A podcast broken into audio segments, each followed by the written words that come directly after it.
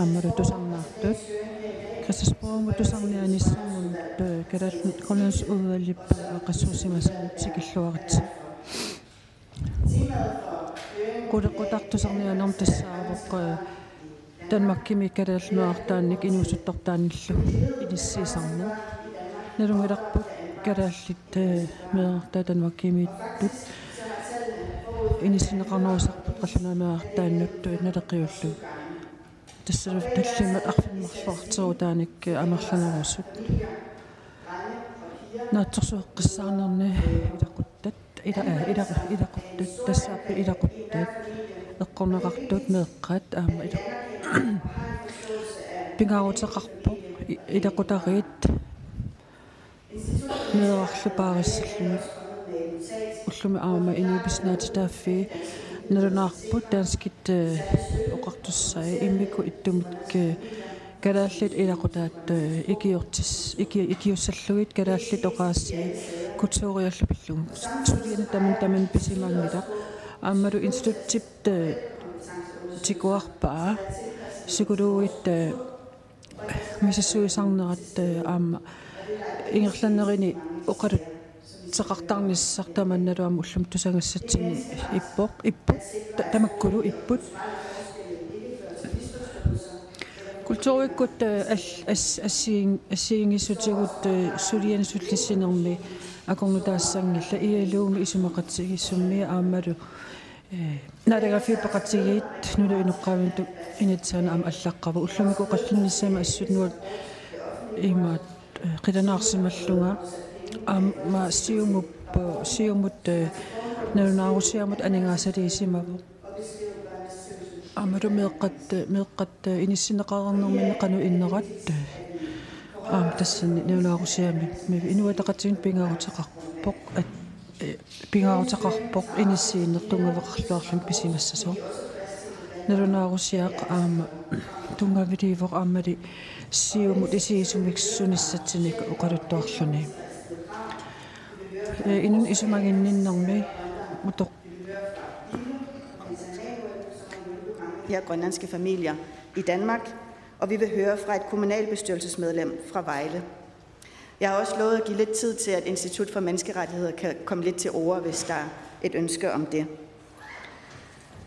Og så vil jeg sige lidt praktisk også, fordi at øh, udover os folketingsmedlemmer, der sidder med her i dag, de to fra Grønland, Carsten Hynge fra SF, så har vi også Karina Adspøl med på Teams, og der er mulighed for, at folketingsmedlemmer kan stille spørgsmål, og derefter også fra fra salen lidt senere i dag, når vi har debat.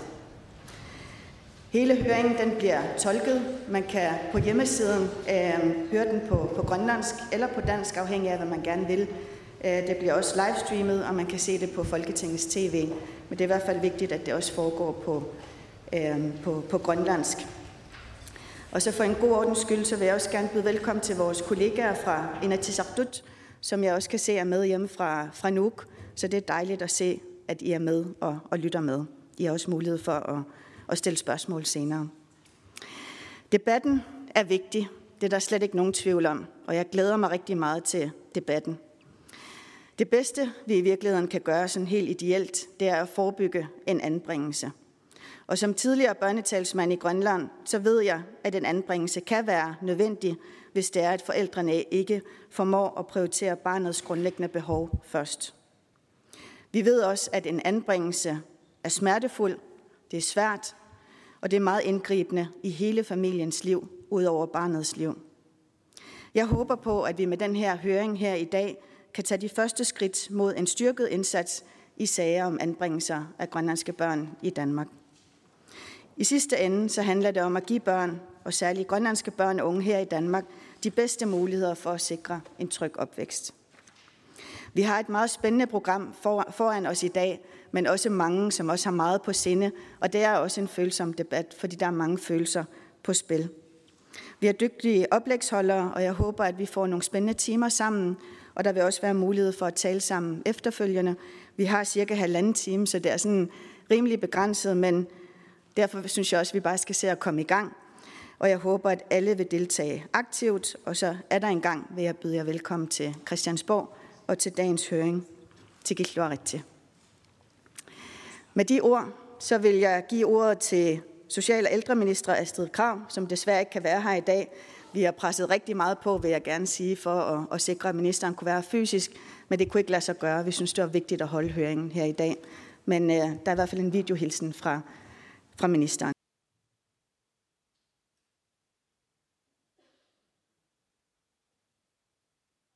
lige en lille videohilsen fra mig, nu hvor jeg ikke desværre kan være med i salen.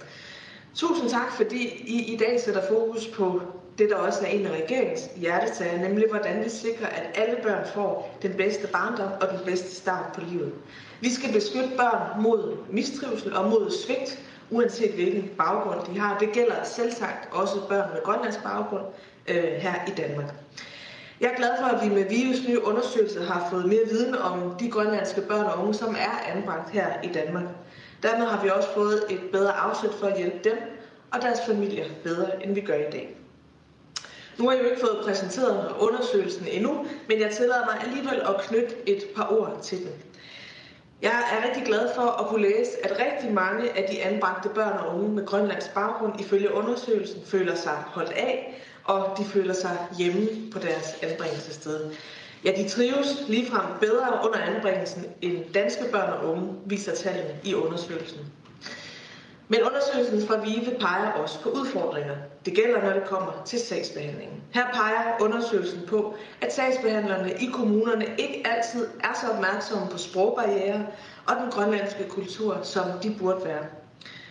Sproglige vanskeligheder og kulturforskelle kan gøre det svært for sagsbehandlere og forældre at nå hinanden i de her svære situationer. Forældrekompetenceundersøgelser, som er et af de værktøjer, sagsbehandlerne bruger i forbindelse med eventuelle anbringelsessager, bliver kritiseret af forældre og aktører for at have kulturel bias og have sproglig bias. Det er en kritik, som vi også har hørt øh, fremført i medierne for nylig. Her har grønlandske forældre fortalt, hvordan de oplever at blive misforstået og mistolket i sociale sager. Nogle mener endda, at de er blevet fejlvurderet på grund af sprogvanskeligheder og kulturelle forskelle. Det er jo bekymrende at høre. Når vi som samfund tager det indgribende skridt at anbringe et barn, så skal vi selvfølgelig være sikre på, at grundlaget for det er i orden. Der må ikke være nogen som helst tvivl om, at når vi anbringer et barn, så er det for barnets bedste. Derfor skal der også være en opmærksomhed på de sproglige forskelle, på de kulturelle forskelle, når grønlandske forældre og børn møder det danske system. Forældrene, ja, de skal selvfølgelig kunne forstå den kommunikation, der foregår omkring deres sag. Det er helt grundlæggende. Jeg vil gerne øh, her slå fast, at kommuner og andre myndigheder, de har pligt til at stille en tolk og oversættelsesbistand til rådighed, når der er behov for det. Forældre til anbragte børn har også altid ret til at få en bisider i processen. I forhold til bias i forældrekompetenceundersøgelser vil jeg også gerne sige det klart. Det er uden nogen tvivl dybt uacceptabelt, hvis der er nogle forældre, der fejlagtigt bliver vurderet som mentalt retarderet, som vi har hørt historier om i pressen. Kommunerne har en klar forpligtelse til at forholde sig til kvaliteten af de børnefaglige undersøgelser. Det vil jeg gerne understrege igen. Og jeg har også en klar forventning om, at kommunerne handler på det, hvis det viser sig ikke at være godt nok, det arbejde, der er lavet. Her til sidst vil jeg gerne sige tak til VIVE for at give os ny og værdifuld viden om, hvordan vi behandler grønlandske familiers anbringelsesager, og hvad vi kan lære af det. Jeg er som sagt rigtig ærgerlig over, at jeg ikke kan være med i dag, hvor I er samlet, og hvor I har lejlighed til i fællesskab at dykke mere ned i problemstillingen. Derfor har jeg også inviteret Grønlandsudvalget og Socialordførende til møde om Vives undersøgelse, så vi sammen kan drøfte de opmærksomhedspunkter, som undersøgelsen peger på. Jeg håber, mange af jer øh, kolleger fra Folketinget vil have mulighed for at deltage på det møde. Målet for mig, ja, det er helt klart. Alle børn har ret til en tryg og kærlig barndom, uanset deres baggrund. Magter forældrene ikke den opgave at tage ordentligt vare på deres børn, ja, så må vi som samfund tage over. Det må gælde uanset og uafhængigt af barnets baggrund.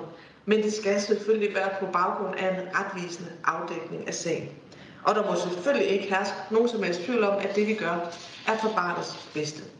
Og med det vil jeg sige tak for lejligheden til at sende en hilsen. Jeg vil ønske, at jeg havde kunne være der øh, hos jer sammen med jer, og jeg vil ønske jer nogle øh, rigtig gode øh, timer sammen til en meget vigtig høring.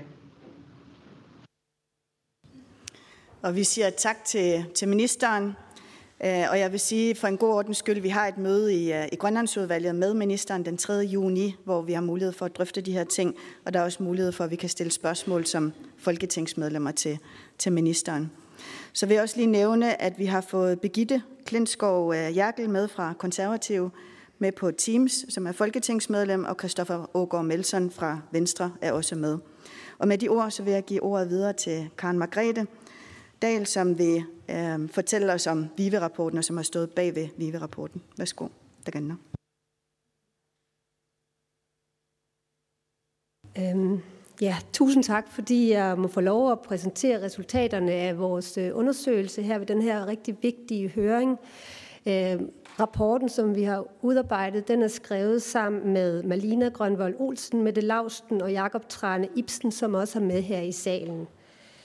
Øhm, udgangspunktet for undersøgelsen er jo, som flere har sagt i dag, at børn med Grønlands baggrund, som bor i Danmark og i højere grad anbringes uden for hjemmet, i plejefamilie eller på døgninstitution. Der er tal fra Danmarks Statistik, der viser, at 5,6 procent af børn, der er født i Grønland eller Danmark, af en eller to grønlandske forældre, er anbragt uden for hjemmet mod 1 procent af danske børn. Det bekymrer selvfølgelig både i Grønland og i Danmark, og danner grundlag for en undersøgelse af baggrunden for, at børnene anbringes, anbringelsesprocessen og børnenes trivsel, for at sikre, at FN's børnekonvention overholdes. VIVE har derfor undersøgt, hvad der kendetegner grønlandske forældre, der får anbragt et barn. Hvorvidt børn med grønlandsk baggrund ofte er anbragt sammenlignet med børn fra danske familier i samme situation som de grønlandske familier. Altså det vil sige, om der er en overrepræsentation, og hvor stor overrepræsentationen er, når man tager højde for den situation, familierne står i. Så vi undersøgt, hvordan sagsbehandlingen foregår op til og under anbringelsen – og vi har undersøgt, hvordan børnene trives under anbringelsen, og hvordan børnenes relationer til deres forældre opretholdes under anbringelsen. Endelig har vi undersøgt, i hvilken grad eller hvordan børnene oplever sproglig og kulturel kontinuitet i deres opvækst. For at kunne besvare disse spørgsmål, der har vi valgt et undersøgelsesdesign, der kombinerer analyser af kvantitative data med analyser af kvalitative data – de kvantitative data de giver os mulighed for at sammenligne børn og familier med Grønlands baggrund med børn og familier med dansk baggrund. De kvalitative data giver os derudover mulighed for at få et dybere indblik i anbringelsesprocessen. Børnenes trivsel set fra forældres, børns, plejeforældres og sagsbehandleres perspektiv. Det kvantitative data det består af registerdata fra Danmarks Statistiks register fra 2020 om alle børn i Danmark. Heraf er der 396 børn med Grønlands baggrund, der er anbragt.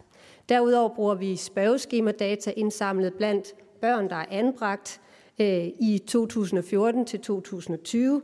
Det er 11-17-årige børn, som selv har svaret på spørgeskemaer.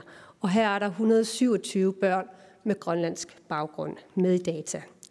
I de kvantitative data, øh, det dækker der dækker betegnelsen børn med grønlandsk baggrund en bred gruppe, hvor 80 procent af børnene øh, er født i Danmark, og 90 procent har både en øh, grønlandsk forældre og en dansk forældre, mens de resterende har to grønlandske forældre. Det kvalitative data, der, det består af sagsakter, interviews med forældre, børn og plejeforældre i 17 sager, hvor vi får indblik i 29 børn anbragte børns sagsforløb. Derudover har vi interviewet syv sagsbehandlere fra tre kommuner, og i det her data, der har vi valgt en snævrere forståelse af Grønlands baggrund i det, vi har sagt, at Grønlands sprog og kultur skal spille en væsentlig rolle for familierne, før vi medtager sagen. Derudover har vi ønsket, at det kvalitative data skulle berøre de vigtigste aspekter af anbringelsesforløbet og inkludere forskellige typer af sager. Det var vigtigt, at der både var frivillige anbringelser og tvangsanbringelser med. Det var vigtigt, at der både var øh, sager, hvor der var et dårligt samarbejde mellem sagsbehandlere og, og forældre, eller et konfliktfyldt samarbejde, et svært samarbejde, og på den anden side også nogen, hvor man har fået det til at virke, hvor man har fundet nogle løsninger på de udfordringer, man har stået i. Vi har samarbejdet med tre kommuner, der ifølge registerne har en del børn med grønlands baggrund, der er anbragt. Gennem de, sag, gennem de kommuner har vi fået otte sager. Syv af de øh, resterende sager har vi så fået fra Mentor Emanuel, øh, som meget øh, øh, venligt har sendt os et, øh, en lang række forslag til familier, vi kunne kontakte. Derudover har vi interviewet to unge, som vi selv har fundet i vores egne netværk. Så nu kommer vi til resultaterne af undersøgelsen. Vi, vis, vi, kigger, vi viser først, hvad der ligger bag grønlandske børns høje anbringelsesprocent, og det gør vi ved at sammenligne alle børn med grønlandsk baggrund i Danmark med alle børn med dansk baggrund på de forhold, vi kan se i Danmarks Statistiks register. Og når vi gør det, så finder vi, at langt de fleste grønlandske familier er ressourcestærke og velfungerende, men at lidt flere børn med grønlands baggrund har forældre, der står i en vanskelig situation, end det vi ser blandt danske børn. Der er flere enlige forældre, der er flere forældre, der lever af kontanthjælp, der er flere forældre, der har modtaget behandling for problematisk rusmiddelforbrug, der er flere domme for kriminalitet og lidt flere med psykiatriske diagnoser.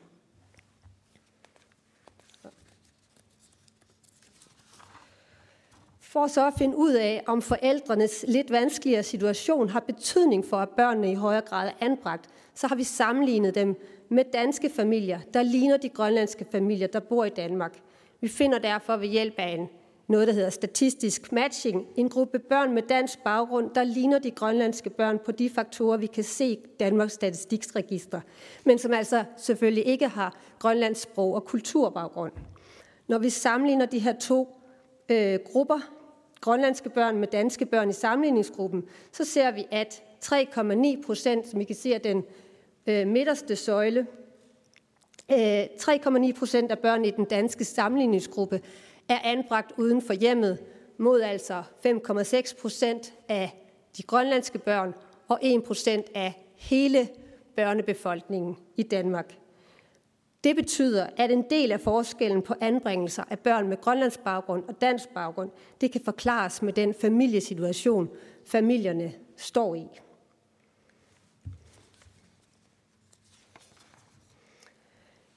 Det billede det bekræftes, når vi fokuserer på forældre, der har fået anbragt et barn. Her viser analyserne af det her registerdata, at både danske og grønlandske forældre gennemsnitligt står i en meget vanskelig situation, men at grønlandske forældre til anbragte børn har det lidt sværere. Den her figur den viser således, at halvdelen af danske og grønlandske mødre til anbragte børn har en psykiatrisk diagnose, og at halvdelen af danske og grønlandske fædre til anbragte børn er dømt for kriminalitet, og der mangler lidt på. Jeg håber, I kan se. Øhm, de grønlandske forældre de står derudover i en sværere økonomisk situation, og de får i højere grad behandling for misbrug af rusmidler.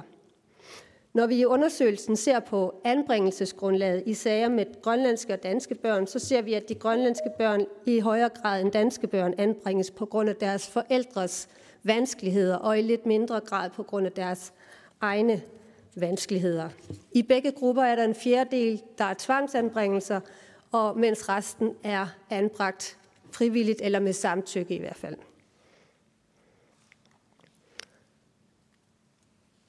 Øhm, forskellen på anbringelse blandt grønlandske og danske børn skyldes altså til dels, at flere grønlandske forældre har det svært.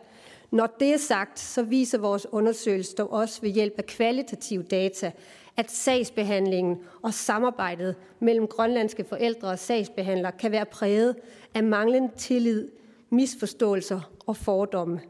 Det gælder også i danske anbringelsessager, der ofte også er meget følsomme og konfliktfulde. I de grønlandske sager ser vi dog flere muligheder for, at samarbejdet kan gå galt. Både grønlandske forældre og sagsbehandlere de oplever, at sproglige vanskeligheder og kulturforskelle nogle gange gør det sværere for sagsbehandlere og forældre at nå hinanden. Der er egentlig enighed om, at tolkning er befordrende for samarbejdet, men det sker ikke systematisk af forskellige grunde, som I kan læse om i rapporten.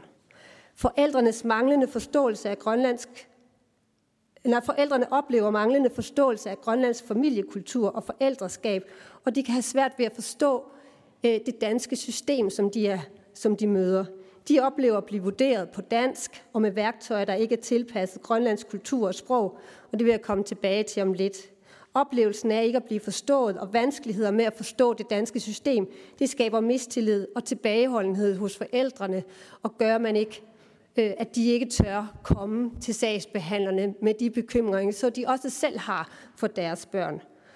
Forældrene kan dog også have en meget stærk forventning om at blive mødt med fordomme og forskelsbehandling, allerede inden de har mødt sagsbehandlerne, og de kan have svært ved at skælde mellem berettiget bekymring for børnene og legitime kulturforskelle. Der kan være en meget stærk forventning om at møde fordomme, fordi mange grønlænder møder fordomme i det danske system, men det er ikke nødvendigvis noget, de har mødt hos den sagsbehandler, de kommer ind til. Tilsammen så betyder alle de her muligheder for misforståelser og, og fejlbehandling, at man i den indledende fase af sagsforløbet i flere tilfælde ikke lykkes med at opnå en fælles problemforståelse, og det lykkes ikke at etablere et konstruktivt samarbejde i en del af de her sager om at forbedre øh, forholdene i hjemmet og undgå en anbringelse. Når der er tilstrækkeligt med bekymringer i sagen, så oprettes en såkaldt paragraf 50-undersøgelse, hvor barnets trivsel og udvikling samt forældrenes ressourcer afdækkes ved hjælp af beskrivelser fra de aktører, der er i berøring med børn og forældre. Den her undersøgelse kan påbegyndes øh, mens eller inden man iværksætter forebyggende foranstaltninger eller indsatser, og så udbygges den løbende i takt med, at, barnets, øh, at man observerer barnet sammen med forældrene. Når sagsbehandlerne de så beslutter, at sagen skal indstilles til en anbringelse, kan de som en del af den her paragraf 50-undersøgelse vælge at få lavet en forældrekompetenceundersøgelse af en autoriseret psykolog. Og det sker typisk i tvangsanbringelsessagerne. Forældrekompetenceundersøgelserne de består af flere dele. Det kan være observationer af forældrenes samspil med barnet. Det kan være samtaler om forældrenes egne opvækstforhold og forestillinger om det fremtidige forældreskab. Og det kan være de her test, de her psykologiske test af forældrenes kognitive og følelsesmæssige ressourcer. Og her ser vi så, at de her test ikke er oversat til grønlandsk, og de ikke er valideret på en grønlandsk population. Og det muliggør fejlvurderinger i det her led af anbringelsesforløbet, og det bidrager til utryghed hos forældrene. Vi vurderer derfor på baggrund af undersøgelsen, at der er god grund til at kigge nærmere på de test, der indgår i forældrekompetenceundersøgelserne, og der er god grund til at se nærmere på de normer om familieliv og forældreskab, der ligger til grund for undersøgelserne, for at sikre, at der kan opbygges tillid og et godt samarbejde i sager med grønlandske familier. Vi vurderer dog også med det indblik, vi har fået i sagerne i den her undersøgelse, at man skal være påpasselig med ikke at overdrive betydningen af de her test, for at flere børn med Grønlands baggrund anbringes. For vi ser størstedelen af forklaringen på det her i forældrenes baggrund og den situation, de står i, og i det lange samarbejde, der går forud for, at man gennemfører de her test.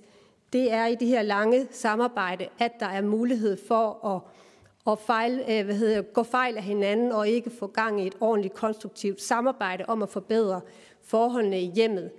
Øhm, og at det er der, at, at der kan ske nogle forskel på sager med grønlandske børn og danske børn.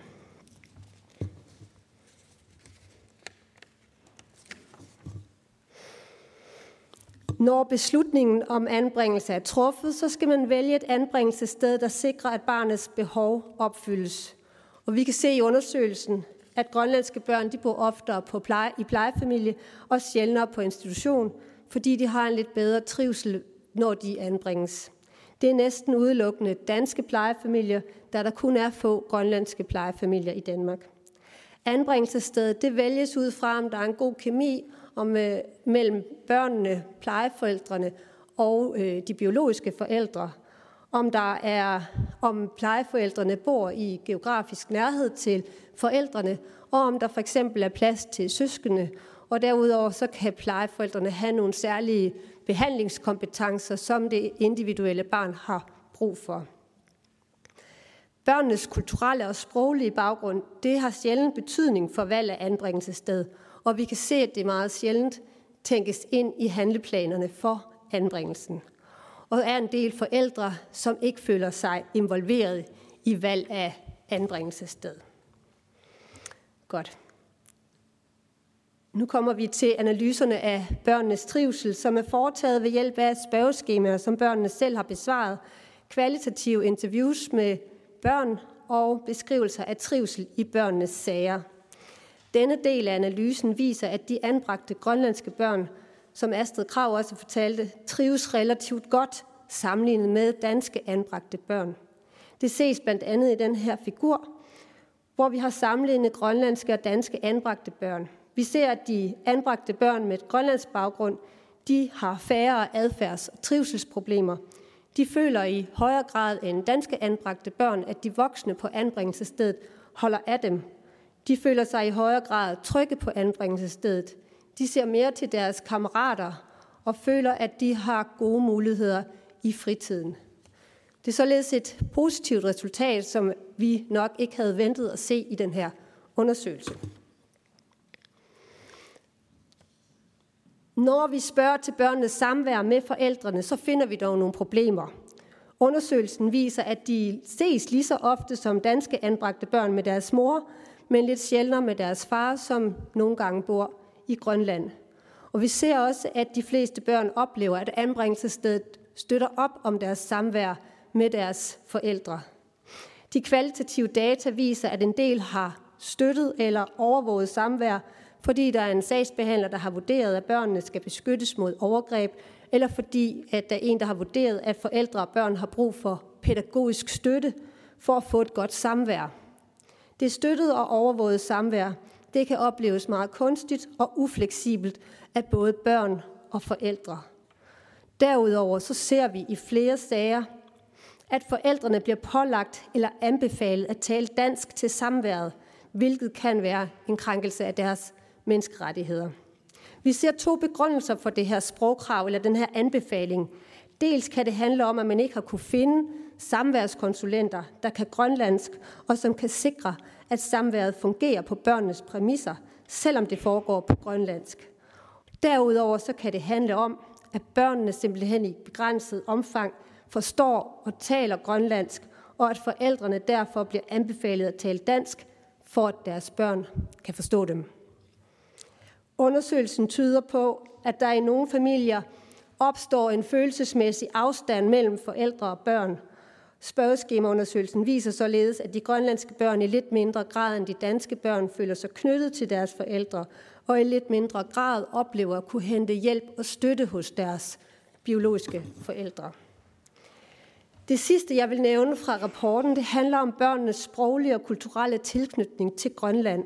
Som allerede sagt, så er der i de kvalitative sager en del børn, der ikke kan tale grønlandsk, selvom de kommer fra hjem, hvor modersmålet har været grønlandsk. Det handler for nogen om, at de er anbragt meget tidligt og ikke har lært grønlandsk, inden de blev anbragt. Andre har mistet evnen til grønlandsk efter en kortere eller længere anbringelsesperiode. Når vi spørger de børn, vi har interviewet, hvad de tænker om deres grønlandske sprog og kulturbaggrund, så fortæller nogle af de halvstore børn, 14-15-årige, at de kun i begrænset omfang har lyst til at lære grønlandsk og dyrke den grønlandske kultur, fordi de vil hellere bruge tid på deres fritidsaktiviteter og se de venner, som de har fra skolen og fra øh, fritidsaktiviteter. De voksne, tidligere anbragte, øh, som i vores undersøgelse er delvis er opvokset i Grønland, de ser dog anderledes på det at bevare deres sprog og, kul- og tilknytning til Grønlands kultur. De fortæller således, at et øget kendskab til Grønland og adgangen til et netværk med grønlandske børn og unge har været med til at hele dem og give dem en positiv identitet omkring det at være grønlænder. Så er vi nået frem til konklusionerne, som jeg bare kort vil rise op. Forældrenes vanskeligheder forklarer en stor del af, de højere anbringelses, af den højere anbringelseshyppighed. Der er et vanskeligt samarbejde nogle gange, som kan medføre dårlige forebyggende forløb, som ender med anbringelser, som måske kunne være undgået. Anbringelsesstedet vælges ud fra kemien mellem børn, forældre, øh, børn, plejeforældre og forældre, geografi og barnets individuelle behov plus plads til søskende – Der er begrænset fokus på sprog og kultur i valget af anbringelsessted. Anbragte grønlandske børn, de trives ifølge den her undersøgelse bedre end børn med dansk baggrund, der er anbragt. Samværet kan være svært, og det kan medføre ringere forældre-barn-relationer. En del børn taler meget begrænset eller slet ikke grønlandsk. Børnene har forskellige ønsker til, hvor meget grønlandsk kultur og sprog skal fylde, men de unge, tidligere anbragte, de fortæller, at det adgangen til netværk med grønlandske unge er med til at give dem en positiv identitet omkring det at være grønlænder. Tusind tak for jeres opmærksomhed.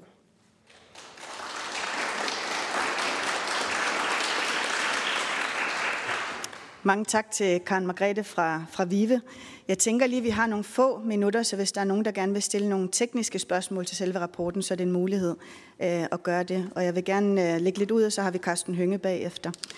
Øhm, altså, der, der er jo mange ting i, i rapporten, som, som vi kan diskutere bagefter, og, og som vi skal følge op på politisk, tænker jeg. Der, der er mange løse tråde. Men jeg synes, det her med samvær, øh, det, det, er, det er ret skræmmende, synes jeg. Nu taler vi jo meget om fortiden, øh, både i Natisartut, men sådan set også i Folketinget, når vi har debatter. Øh, og, og det vi ikke ønsker, det er jo, at vi krænker nogle menneskerettigheder. Det tror jeg alle sammen, vi, vi kan være enige om på tværs af, af alle partier. Så det her med, at man ikke må snakke dansk, øh, eller ikke må snakke grønlandsk sammen, det er i hvert fald et, øh, et opmærksomhedspunkt, jeg synes, vi skal have. Jeg kunne godt tænke mig at spørge ind til de her 1,7 procent, som er forskellen mellem sammenlignelige øh, familier, både i Grønland og, og i Danmark. Kan det udelukkende tilskrives test, tolkning og en, en manglende øh, forståelse for, for det grønlandske hos fagpersoner? Nej. Nej. Hvad man kan se i de registerdata, vi har adgang til. Så der kan være nogle andre forskelle på forældrene, som ikke træder frem i registerdata. Så øhm, i de kvalitative sager, så kan vi også se, at der er en del forældre, der har boligproblemer, altså oplever at blive sat ud af deres bolig og har hjemløshedsproblemer. Der er også en del voldsproblematikker i, i en del af sagerne, øh, og der kan være andre forhold, som vi ikke kan se, som ligger der. Øhm, så, så vi er åbne op, altså vi, vi siger, at det kan, det kan skyldes både noget, der ligger hos familien, men det er også svært at kigge på sagsbehandlingen. Tak. Og så er det Carsten Hynge først. Værsgo. Har I tænkt jer at komme med nogle anbefalinger til, hvad vi kan gøre? Altså, det er jo åbenlyse udfordringer, men nogle gange så står man med, udfordringer, nogle gange så står man med udfordringer, men hvis man som politiker virkelig kunne tænke sig at gøre noget ved det, har jeg så vil I lægge nogle linjer ud for, hvad, hvad, hvilken retning vi skal gå? Vi har været lidt tilbageholdende med at øh, lave egentlige anbefalinger, men i rapporten er der en hel del øh, personer, der kommer med nogle gode idéer. Altså, der er både sagsbehandler, plejeforældre og forældre, der fortæller, hvordan det lykkedes dem at opbygge et godt samarbejde. Øh, så, så der er nogle idéer her og der, som man godt kan trække frem øh, og, og arbejde videre med øh, i forhold til at tilrettelægge indsatser og sagsbehandling, der i højere grad øh, er, øh, skaber en tillid mellem forældre og, og sagsbehandlere. Mange tak. Og så er det Agi Mathilde, der kan nå.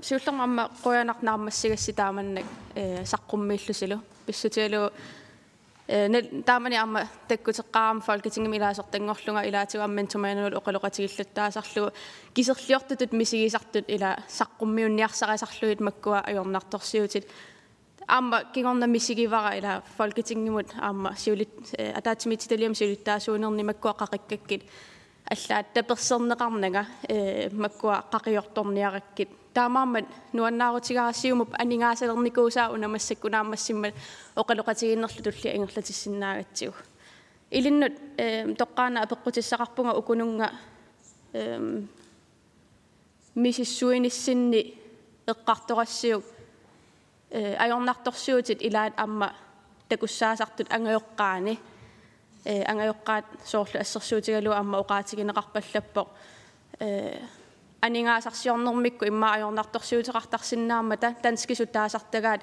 контант-hjælpими амма икиорсернеқартариақартарнерат таатаана аллаат имма категориеқатигииллуа ассерсууннеқарлутинилу э имма икиорнартун алланиллунни атуигаанни ималунни тарниккут наппаатеқараанни анингаасарсиорнер ила тассами паасинерниарлугуна анингаасарсиорнерлуннер контантьелпимут тассунгсаниллиуннеқингиларми ила икиароортартуугаанни ималуунни тарниккуарлаатиунаппаатеқараанни имаакками арма ила паасинеқартариақарами нунатсиннингаанниит уагут тикиккаангатта сорл аакаасеқарни ajorpug таа аакаасеқангиккаангатта таасулиффиссааруккаангатта ингерлаан контантьелпсмуутагарингортуор тоорсиннаасутут иттарлута наак иммақа тааккуа э данскит исаани ajornartorsiornerpaa kisiisa taamaаттартут уагут иммиккут алламик аакааси системеқангериаратта ингерлаан тассуннартоорсиннаасарлута имат нипеқангаассиннааммануна э ангайоққаат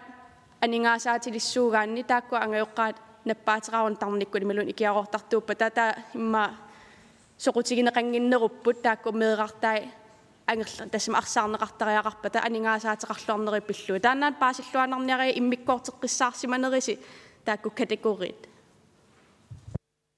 Tak, og jeg skal for en god ordens skyld også sige, at der er mulighed for at få tolket fra grønlandsk til dansk, og der er udstyr herinde i salen også. Og så giver jeg ordet til, til Vive. Værsgo. Ja, ja, jeg hørte ikke så meget af, af spørgsmålet. Øh. Det er måske ikke så nemt, når det er med få snakket med nogen, der ikke er med i sit eget sprog, men øh, det er bare, har man taget højde for, at der kan være øh, forskelle mellem de kriterier, der også blev sat op i svære økonomiske situationer, som blev også sammenlignet med psykiske øh, psykiatriske diagnoser og brug af rusmidler. Jeg skal bare være sikker på, at man er klar over, at der også kan komme andre faktorer ved at være kontanthjælpsmodtager, hvilket ikke... Vi, vi har jo ikke et A-kassesystem til at tage hånd om os, for eksempel. Det lød bare som om, man puttede psykiske diagnoser og rusmidler og det at være kontanthjælpsmodtager i samme boks. Jeg skal bare være sikker på, hvordan I har kategoriseret det. Vi er selvfølgelig nødt til at bruge det data, vi har adgang til, og vi er godt klar over, at der kan være forskellige måder, man ender i forskellige situationer på som danskere og grønlænder, men vi er nødt til at se, at det, når det så er, er sket, er en, en, en svær situation at stå i, uanset om man er dansker eller grønlænder, at skulle leve af, af kontanthjælp, og at øh, man har en psykisk diagnose, eller at man er dømt for kriminalitet, øh, at, at, at, øh, at det, det det data, vi kan bruge til at lave den type analyse af, hvor vi hvor vi kigger på de her forskelle. Men det er i samme kategori i undersøgelsen, jeg skal bare være Vi kan ikke placere grønlandske forældre på kontanthjælp i en anden kategori end, end danske forældre på kontanthjælp. Så det er der, vi er nødt til at sige, sådan, når vi finder de to grupper, og de ligner hinanden, så ser vi, at næsten 4 procent af børnene i den danske sammenligningsgruppe er, er anbragt. Og det er bare for at vise, at det, den forskel, den snævres ind, når vi finder nogen, der har samme situation.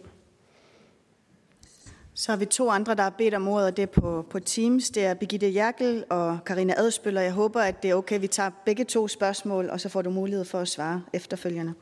Værsgo til Birgitte fra Teams. Ja, tak. Øh, og tak for en rigtig øh, god øh, gennemgang.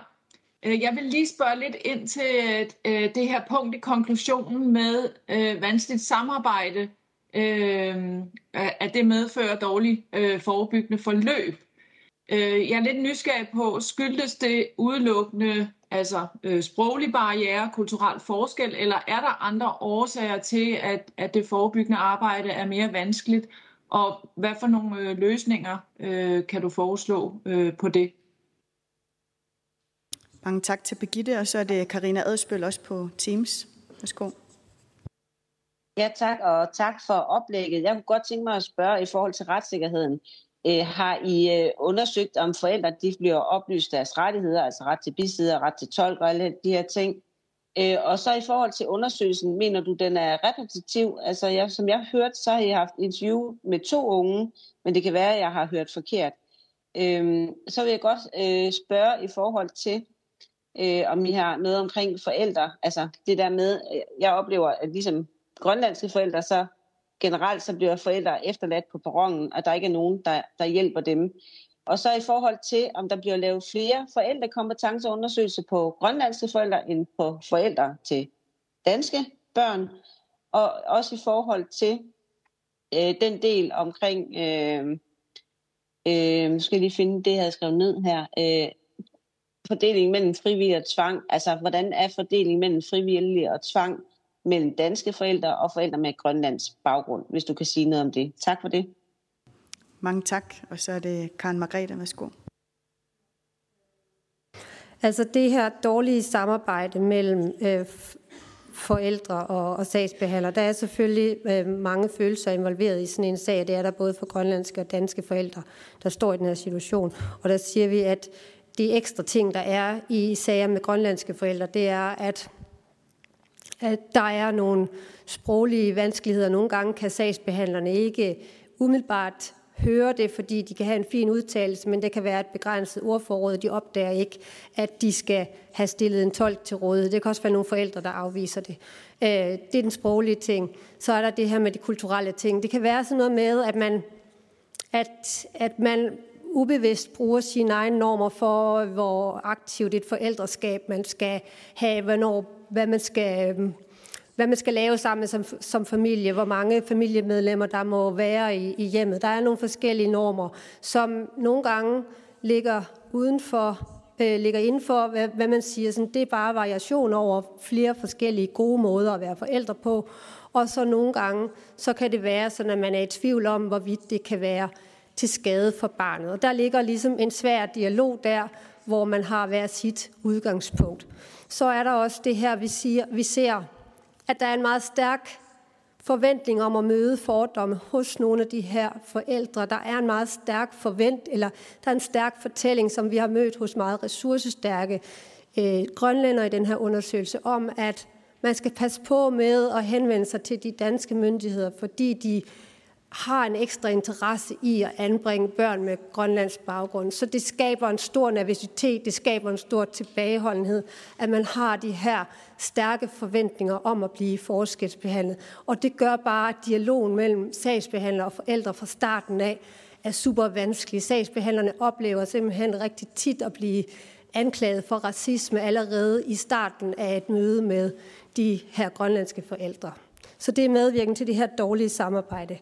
Og der har jeg ikke andre løsninger, end at man på forskellige måder må forsøge at opbygge tillid. Man må vise, at man sætter sig ind i grønlændernes baggrund, og hvordan de har levet deres liv, og hvilke ressourcer de oplever i deres familieliv. Man må vise åbenhed, og man må vise, at man sætter sig ind i det.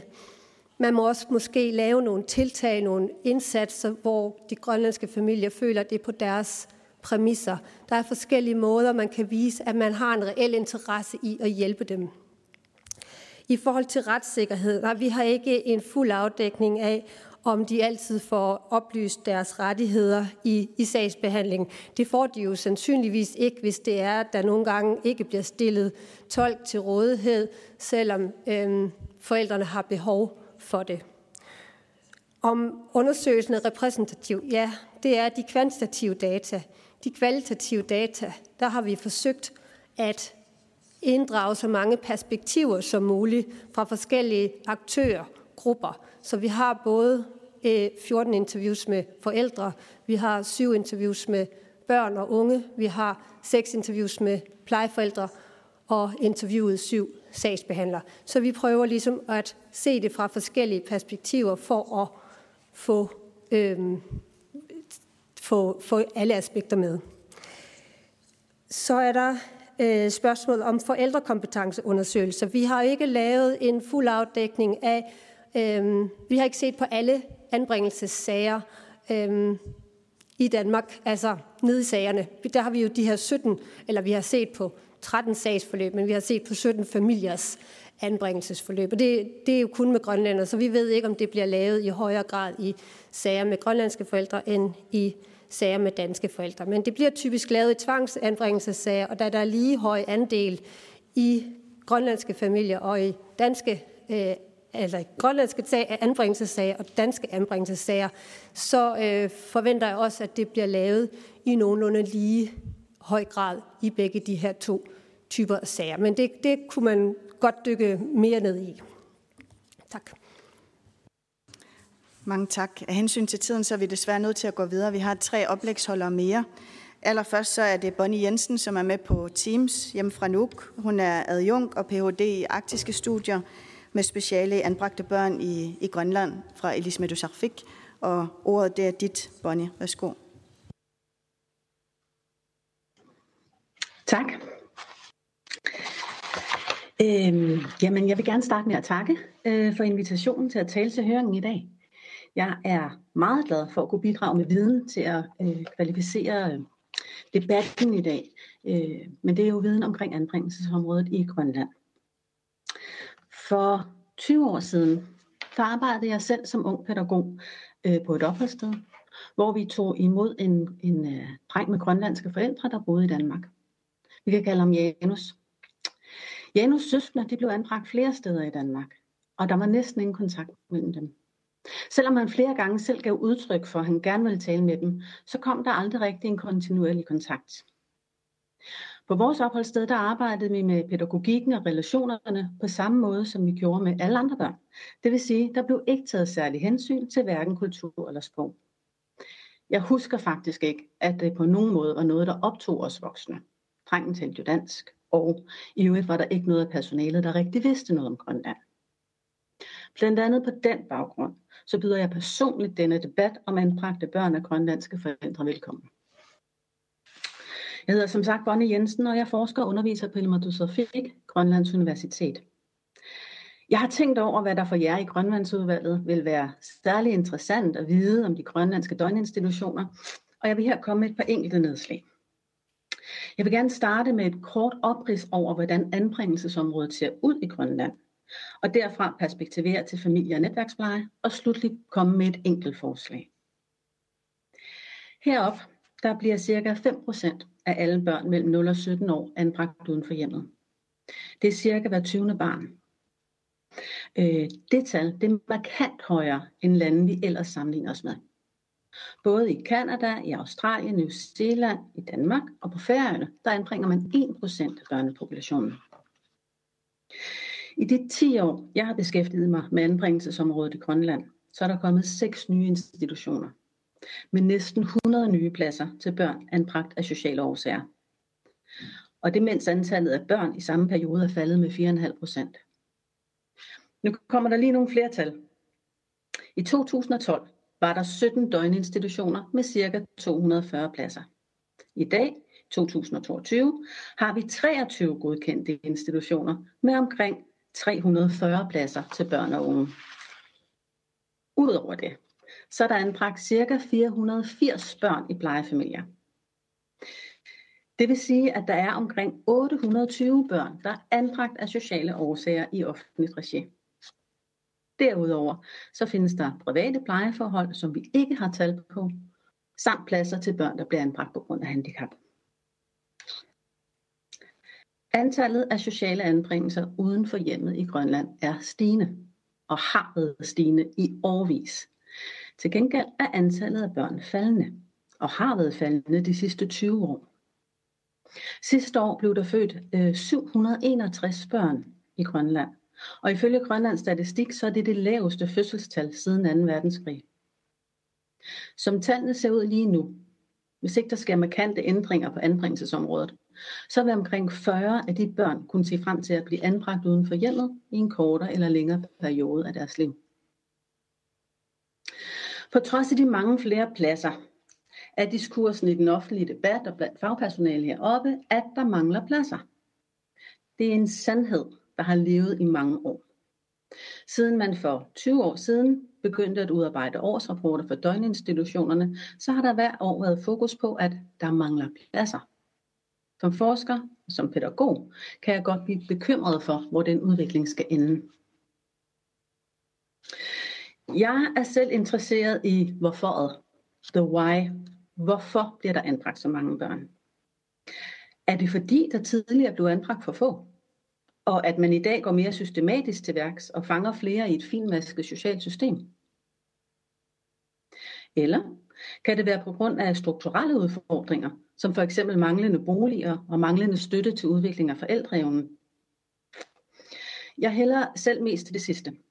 sammen med en hypotese om, at anbringelser uden for hjemmet er blevet normaliseret i sådan en grad, at det desværre ikke længere er en absolut sidste udvej, men mere en reel mulighed på linje med andre socialfaglige værktøjer. Der bliver udarbejdet en del rapporter om anbringelser i Grønland. Dels fra VIVE, fra Deloitte, fra Socialstyrelsen, min egen PhD. Men alligevel så mangler vi et samlet overblik over anbringelsesårsager, anbringelsernes varighed og skift i anbringelserne. Og det, så, så skal vi altså også tale om, der er en udtalt mangel øh, på viden om, hvordan børnene selv har det i deres anbringelser. Hvordan børnene trives. Min egen PhD de viste, at der er rigtig god plads til at arbejde meget mere med inddragelse af børn i deres egen anbringelser, og i det hele taget med inddragelse af hele familien. Noget af det, der især fylder hos børnene i forbindelse med deres anbringelser, det er uforudsigeligheden. Ord som lige pludseligt er noget, der går igen, når de skal forklare, hvordan de oplevede deres anbringelser og deres kontakt med sagsbehandlerne.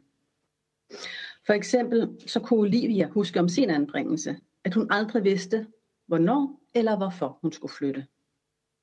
Hun fortalte mig, første gang jeg skulle på børnehjem, blev jeg hentet på fodboldbanen af en pædagog fra børnehjemmet, der sagde, at jeg skulle gå med. Hun sagde, at nu skulle jeg bo der, og da jeg kom, så var min søskende der allerede. Og igen, da Olivia skulle flytte videre til en plejefamilie, skete det samme. Citat. Der kom to fremmede mennesker og hentede mig med båd. Jeg troede bare, at vi skulle ud og fiske. Men da jeg spurgte, hvornår jeg skulle hjem, så sagde de, du er hjemme. Det lyder gralt, når det bliver fortalt på denne måde, og det er heldigvis ikke alle anbragte børn, der har de her oplevelser. Men målet er selvfølgelig, at der er ingen børn, der skal opleve den her slags. Og det mål, det tages meget seriøst. I hele Grønland, på alle niveauer. Fra kommunen til Socialstyrelsen til børnerettighedsinstitutionen MIO arbejdes der hver dag på at leve op til FN's børnerettighedskonventioner. Jeg vil gerne give et lille perspektiv på, om vi taler om samfundets børn eller familiens børn. Der er børn, der skal anbringes. Men jeg synes, det er på tide, at vi kigger på den måde, vi anbringer på. Og her taler jeg ikke kun om de mange anbringelser, men også de steder, vi anbringer børnene. Det grønlandske anbringelsessystem øh, system, det er en kopi af det nordiske, særligt det danske. Fra myndighederne begyndte at anbringe uden for hjemmet af sociale årsager omkring 1920'erne, så har den nordiske måde at tage sig af de børn, der af den ene eller anden grund ikke kan bo hjemme, næsten helt fortrængt den måde, man i Grønland tidligere løste den opgave på. Når et barn kommer på institution i dag, øh, så er der jo ansat personale til at varetage det daglige arbejde, den daglige pleje, det pædagogiske arbejde, og det vil i sagens natur ofte være mennesker, der er fremmede for børnene. Det samme gør sig gældende for de børn, der kommer i plejefamilie. Det er oftest en fremmed familie, som barnet skal finde sig til rette i. Fra de første børnehjem blev oprettet her, øh, så kom eller før de første børnehjem blev oprettet, så kom børn, der ikke kunne bo hjemme, i det, som vi i dag vil kalde for øh, slægts- og netværkspleje. Det vil sige, man kiggede rundt i nærmiljøet, og så så man, hvor der var slægtning eller andet netværk, der havde ressourcer og mulighed for at tage et barn ind. Og på den måde kunne barnet ofte blive i byen eller bygden, og dermed bibeholde relationer til forældre og søskende, i det omfang det var tilrådeligt. Slægts- og netværksanbringelser er ifølge de sidste 20 års international forskning den anbringelsesform, hvor børn får de bedste betingelser for at kunne klare sig i livet. Forskningsresultaterne viser blandt andet, at børn i netværksanbringelser har færre mentale og adfærdsmæssige problemer. De har højere trivsel, og de har tættere kontakt med deres familie, sammenlignet med børn anbragt i plejefamilie. I Danmark så anvendes netværksanbringelserne kun i omkring 7% af alle øh, anbringelserne. Og vi kender ikke de præcise tal for Grønland og Færøerne endnu. Men vi ved fra undersøgelser, at historisk set, så har familie og netværk taget sig af børn, der i kortere eller længere tid ikke har kunnet bo hos forældrene. Selvom vi ikke har helt specifik, specifik viden om det, fordi det jo som regel foregår uden sociale myndigheders mellemkomst, så er det sandsynligt, at det sker ret ofte i Grønland. Jeg deltager i en forskningsgruppe, hvor vi arbejder med en hypotese om, at det foregår meget hyppigt også i perioder, der strækker sig ud over de tre måneder, der ellers er den lovgivningsmæssige grænse for, hvor længe et barn kan opholde sig hos andre end forældre uden en plejetilladelse. For at komme det nærmere og udforske det potentiale, denne her slags anbringelser har, så har forskergruppen, der består af medlemmerne, øh, medlemmer fra Danmark og Grønland og Færøerne, øh, valgt at lave et samarbejde under overskriften, hvad kan vi alle lære af Grønland og Færøerne? Forskningsgruppens mål det er at kortlægge omfanget af privat arrangeret øh, pleje i slægt og netværk, slægts og netværk, samt undersøge, hvordan de børn, der øh, bor i den slags familier, oplever det. Som et sidste bidrag herfra, så vil jeg lige vende en enkelt strømtank mere. Grønlandske børn, der bor i Grønland, skal anbringes i Grønland. Men der står også i lovgivningen, at, citat, hvis barnets behov ikke kan imødekommes i Grønland, og alle muligheder for passende anbringelser i Grønland er udtømte, kan der undtagelsesvis med foregående godkendelse fra Nalakasuisut ske anbringelser uden for Grønland. Formuleringen uden for Grønland betyder i praksis altid Danmark. Antallet af børn, der er født og opvokset i Grønland, der sendes til Danmark i kortere eller længere perioder, fordi der ikke er anbringelsesmulighed til dem, svinger. Og faktisk så er det ret svært at finde de præcise tal. Men der bliver anbragt børn på danske institutioner. Jeg har selv kendskab til mindst fire tilfælde. Kunne vi forestille os, at der var en institution til grønlandske børn i Danmark? Det er ikke fordi, jeg mener, der mangler flere institutioner, slet ikke. Men jeg mener, der mangler fokus på de børn, der ender mere end 3.000 km væk fra deres hjem i et land, hvor de ikke taler sproget og hvor maden smager mærkeligt. Og ofte vil disse børn ende på forskellige institutioner. Selvfølgelig på grund af forskellige behov, men også på grund af andre og mere tilfældige faktorer. Jeg mener, vi skal tale om kvalitet i anbringelsen og om at skabe et fornuftigt grundlag for, at barnet ikke mister sit sprog og kultur inden en hjemgivelse. Kan vi sammen finde en løsning på, at anbragte grønlandske børn i Danmark ofte ender i hver deres landsdel og hver deres institution? Kan vi i stedet give dem et fællesskab på en institution, hvor der kan tages hensyn til sprog og kultur, og måske endda blive serveret grønlandsk mad? Og vil sådan en institution også være en mulighed for de børn af grønlandske forældre, der bor i Danmark, og som skal anbringes uden for hjemmet? Som for eksempel Janus, drengen med de grønlandske forældre, der kom på en dansk institution for 20 år siden, og som stadig bor i Danmark. Tak for jeres tid. Renner.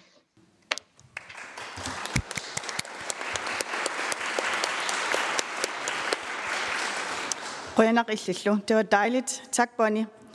Jeg tænker i hvert fald, det er anledning til, til diskussion til lidt senere. Vi gemmer vores spørgsmål, øh, som jeg ved, der allerede er, så vil jeg gerne give ordet videre til Nayengwak Dalgaard Christensen fra foreningen Mentor Emanuel.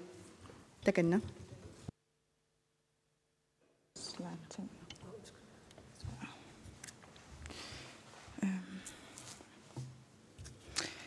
Øh, tak fordi vi måtte komme i dag. Øh, vi er rigtig glade for, at I har inviteret os herhen. Øh, det er et øh, område, som vi som frivillig forening har arbejdet rigtig, rigtig længe for at belyse alle de øh, fejl, vi mener, der sker i sagsbehandlingen. Og, øh, øh, og vi har virkelig arbejdet hårdt for at belyse de problematikker, som grønlandske forældre udsættes for, når de mødes med det danske socialsystem her i Danmark.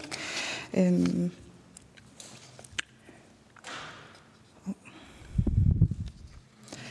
Det vi gerne vil opnå i Mentor Emanuel, det er, at øh, sagerne de skal revurderes. Øh, både anbringelser med og uden forældrekompetenceundersøgelser, så vil vi gerne have, at øh, forældrekompetenceundersøgelserne bliver annulleret, at man stopper testene indtil, at der er fundet øh, kulturtilpasset test, og så ønsker vi, at grønlænder i Danmark skal have mindre tandsbeskyttelse. øhm,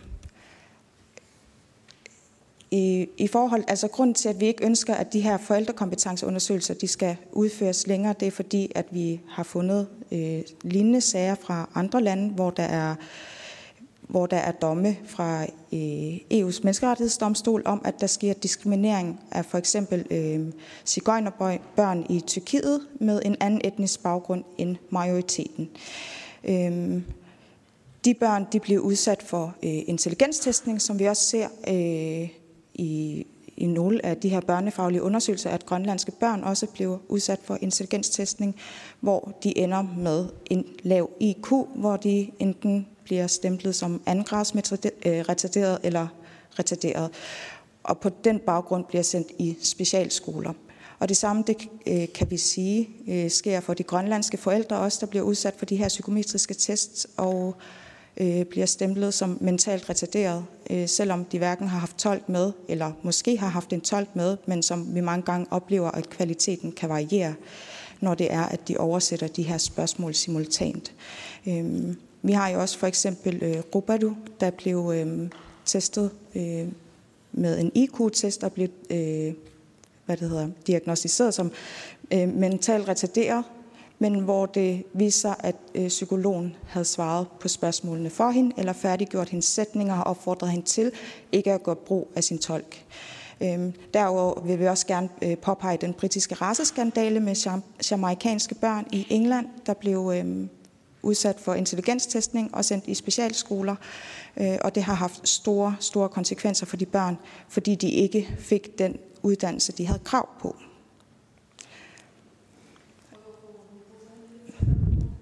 ja, øhm, og så har der jo også været øhm, øh, i DR øh, P1 her den 16. juni, der havde vi jo også, øh, øh, der var et indslag omkring øh, psykometrisk testning i dansk kontekst af grønlandske forældre, og der udtalte en øh, ekspert i kulturel bias på, og Ph.D. Øh, og seniorforsker på Rigshospitalet, at konsekvensen ved, at man anvender de her test, det er, at grønlandske forældre bliver diskvalificeret, fordi man har en anden sproglig baggrund. Det kan have ret store konsekvenser i anbringelsessager, og vi i Mentor Emanuel har oplevet, at netop de her forældrekompetenceundersøgelser har haft meget store konsekvenser for forældrene. Blandt andet har det medført en tvangsbortadoption af et grønlandsk barn. Øhm, og øh, formand for Dansk Psykolog, Psykologforening, det er Seidenfaden, øh, mener, at øh, psykometrisk testning og de her forældrekompetenceundersøgelser, at kvaliteten den skal hæves. Psykologerne ved ikke, hvordan de skal tolke resultaterne, og at det er helt centralt for de grønlandske familiers og deres retssikkerhed og børnenes fremtidige tilhørsforhold, og at der ikke er plads til fejl i de her sager. Øhm, øhm, og så ser vi jo meget gerne i Mentor Manuel, at, øh, at Danmark ind, øh, overholder international ret og konventioner øh, herunder, øh, øh, hvad det hedder, øh, samvær, øh, der, hvor der har været tidligere afgørelser omkring, at øh, samvær altid skal fastsættes med det formål om at genforene familierne senere. Og det siger jo også øh, hjemfører i social- øh, eller serviceloven, paragraf 68, at anbringelsen skal bringes til ophør, når betingelserne for en anbringelse uden for hjemmet ikke længere er til stede. Øhm, og øh, jeg har jo været en del af øh, følgegruppen og har læst øh, rapporten, før den udkom, og fik så lov til at kommentere på netop øh, øh, deres analyse og hvad øh, de kunne være ekstra opmærksom på. Og det, jeg undrer mig over, at der så er fjernet fra rapporten, er nu, at den lille passage, har sat ind, familien dog ikke længere en primær ret til barnet. I stedet handler det nu om, hvordan barnets tilknytning er størst, og er det hos plejefamilie, vil man ofte vælge at fastholde en anbringelse, selvom forældrenes forhold forbedres. I dansk anbringelsespraksis er hjemgivelse således ikke altid et mål, selvom forældrene forhold forbedres. Og det er på baggrund af et fokusgruppeinterview, der var lavet med sagsbehandler. Øhm, og det strider jo direkte imod serviceloven og øh, internationale konventioner omkring samvær og hjemgivelse. Øh, derudover vil vi gerne have, at øh, den danske, altså den danske regering og de offentlige myndigheder begynder at respektere øh, Øh, ILO-konventionen, som er blevet ratificeret her i Danmark, øh, fordi at vi mener, at specielt artikel 8, 29 og 30, at man skal tage behørigt hensyn til øh, de oprindelige folks børn, øh, at de skal lære at læse og skrive på deres eget sprog, Og ja, og så frem det er muligt, så skal myndighederne gøre alt for at vedtage de her foranstaltninger, så man netop bevarer sprog og kultur hos de grønlandske anbragte børn. Øhm, og vi mener også i forhold til specielt det her med tolkning, at de grønlandske forældre, de skal have ret til at have en tolk med til mødet. Vi synes ikke, at det skal være et socialfagligt skøn, øh, fordi en dansk socialrådgiver kan ikke vurdere, hvorvidt en grønlandsk borger taler et godt nok grønlandsk eller ej, da de jo ikke taler grønlandsk. Øhm, men under alle omstændigheder, hvis øh, grønlandske forældre har øh, dansk som andet sprog, så mener vi, det er nødvendigt, at forældrene får tolkning, fordi de forstår ikke, hvad kan man sige, det teknokratiske sprog, der bliver brugt i kommunerne, øh, og de ved jo egentlig ikke, altså det er jo det, det vi tit oplever i Mentor Emanuel, at de ved ikke, hvad det er, der foregår. Der sker heller ikke oversættelse af dokumenter. Så meget tit og ofte, så oplever vi nemlig også i foreningen, når vi møder de her forældre, når vi er ude med forældrene til møderne, når vi beder dem om, øh, eller vi sidder og læser sagsakterne op for dem for at høre, hvad, hvad handler det her om? Øh, der står, at du har et alkoholmisbrug. De sidder måbende, og de forstår ikke, hvorfor det er blevet beskrevet om dem. Øh, der er tit øh, beskrevet formodninger omkring forældrene, formodet seksuelt overgreb i barndommen, formodninger om alkoholmisbrug, øh, uden at det er dokumenteret fra kommunernes side. Øh, I forhold til øh, artikel 30, så ser vi ofte øh, i Mentor Emanuel, øh, ligesom Vives rapport, øh, også komme frem til, at øh, de grønlandske børn oftest anbringes i danske plejefamilie. samværet, som vi oplever det i, de forældre, altså i hensyn til de forældre, vi hjælper i Mentor Emanuel, det er, at forældrene meget sjældent har um, samvær i hjemmet. Øh, det er oftest hos plejefamilien, eller øh, på, øh, hvad det, det hedder, øh, ophold, samværshuse, eller andre steder. Og det mener vi jo ikke er med til at forbedre deres kulturbevarelse, fordi en del at det at være grønlænder, det er at være et grønlands hjem, at være hjem i trygge rammer og ikke øh, hos en dansk familie. Øhm, så vi ser meget gerne, at øh, grønlændernes kulturelle baggrund og traditioner, de bliver begynd, altså, at man begynder at respektere dem. Øhm, øhm, så har, vil vi også lige komme ind på FN's deklaration for oprindelige folk, artikel 7 og 8. Og øh, forbud mod tvangsassimilering. Øhm, Danmark underskrev den 13. september 2007 FN's deklaration oprindelige folk. I deklarationen står der i artikel 7, at medlemsstaterne ikke må udøve folkedrab eller andre voldshandlinger, såsom tvangsfjernelse af oprindelige folks børn, ved at tvangsfjerne oprindelige folks børn til en anden gruppe. I artikel 8 står der, at staterne ikke må tvangsassimilere oprindelige folk. Og her ser vi jo gerne, at øh, Grønlands bekendtgørelsen bliver øh, øh, taget i brug, for vi har kun oplevet et enkelt tilfælde, hvor i Grønlænderbekendtgørelsen, som er en bekendtgørelse, som øh, giver forældrene mulighed for at få videreført anbragt deres barn i Danmark, eller i Grønland, fra, altså fra Danmark til Grønland. Øh, vi har ikke øh, oplevet, at nogen sagsbehandler har kommet med et forslag om, at øh, eller spurgt forældrene, vil I egentlig gerne hjem til Grønland igen, øh, hvis I havde muligheden for også at få jeres børn anbragt oppe i Grønland. Det har vi ikke oplevet en eneste gang. Vi har dog oplevet, at der er blevet gjort brug af den i forhold til samværsrejser med, med øh, et barn, mellem et barn og en far, der bor i Grønland, hvor moren bor i Danmark. Øhm.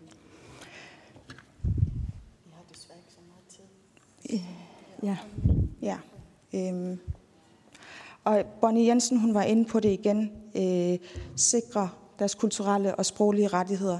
Det er det, at vi har kæmpet for i så lang tid, at, øh, at der bliver taget hensyn til, fordi det er ikke blevet respekteret i nogle af de sager, vi har været inde over. Øhm, jeg går videre øhm, til løsninger.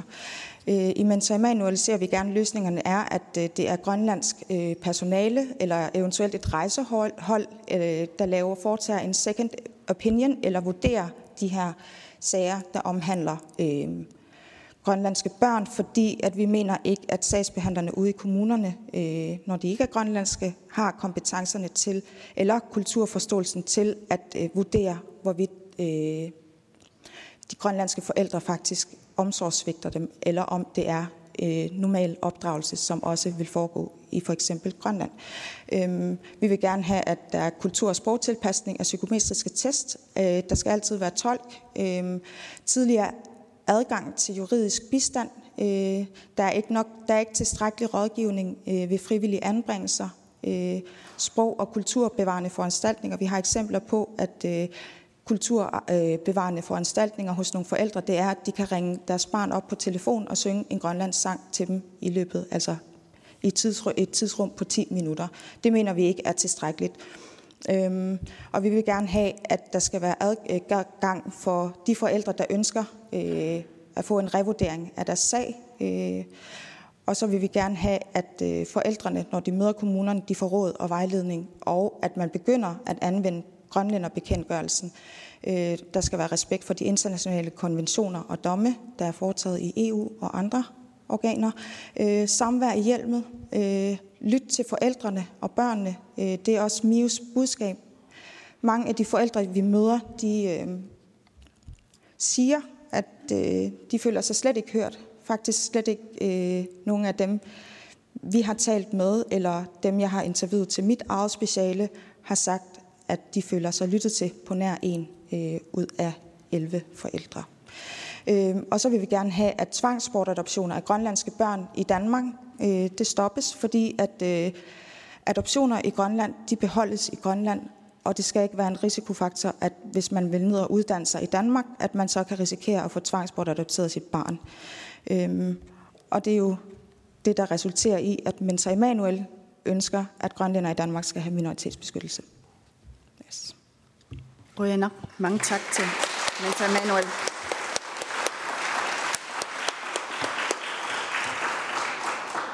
Rønner, mange tak. Jeg tænker, at tiden den løber, øh, så vi kommer til at tage tre spørgsmål ad gangen. Jeg har noteret øh, Karsten Carsten Hynge og Karina Adspøl, så vi starter med, med Carsten. Værsgo. Ja, så først vil jeg sige, at det er jo, det er jo, det er jo fuldstændig hjerteskærende, øh, de historier, I fortæller. Og jeg er fuldstændig overvældet over antallet af børn. Så det er i hvert fald lige det første. Og så synes jeg, det er en spændende tanke, I har der med, om man skulle tænke i Danmark på at lave sådan nogle rejseholdsting. For jeg har selv tænkt meget på, hvordan kan vi Hvordan kan vi nogensinde få kompetence nok til det ude i kommunerne? Jeg tror, at den tanke om at få lavet nogle udrykningsteams, der, der har det der, den der kompetence, det tror jeg, der kunne være en af løsningerne. Jeg har lige nogle konkrete spørgsmål, måske især til, til, til Bonnie Jensen. Øh, Øh, bare, du nævnte øh, nogle, øh, nogle tal, øh, Bonnie Jensen. Hvis jeg lige kan holde fast, hvis jeg lige kan få gentaget et par stykker af den. Altså, vi har jo mange flere børn af grønlandske forældre i Danmark, der bliver anbragt i forhold til danske børn. Men hvor, hvordan er procentsatsen i forhold til anbragte børn i Grønland? Altså, så hvor stor en procent, altså, mener bare, bare for at have noget at sammenligne med, er, er, er, der også over, er, der, er der også mange flere børn af grønlandske forældre, der bliver anbragt i Danmark i forhold til grønlandske børn anbragt i Grønland af grønlandske forældre. Altså, hvis I fanger den der, den, den, den, den kunne jeg godt øh, lige tænke mig at se. Og det er det ene.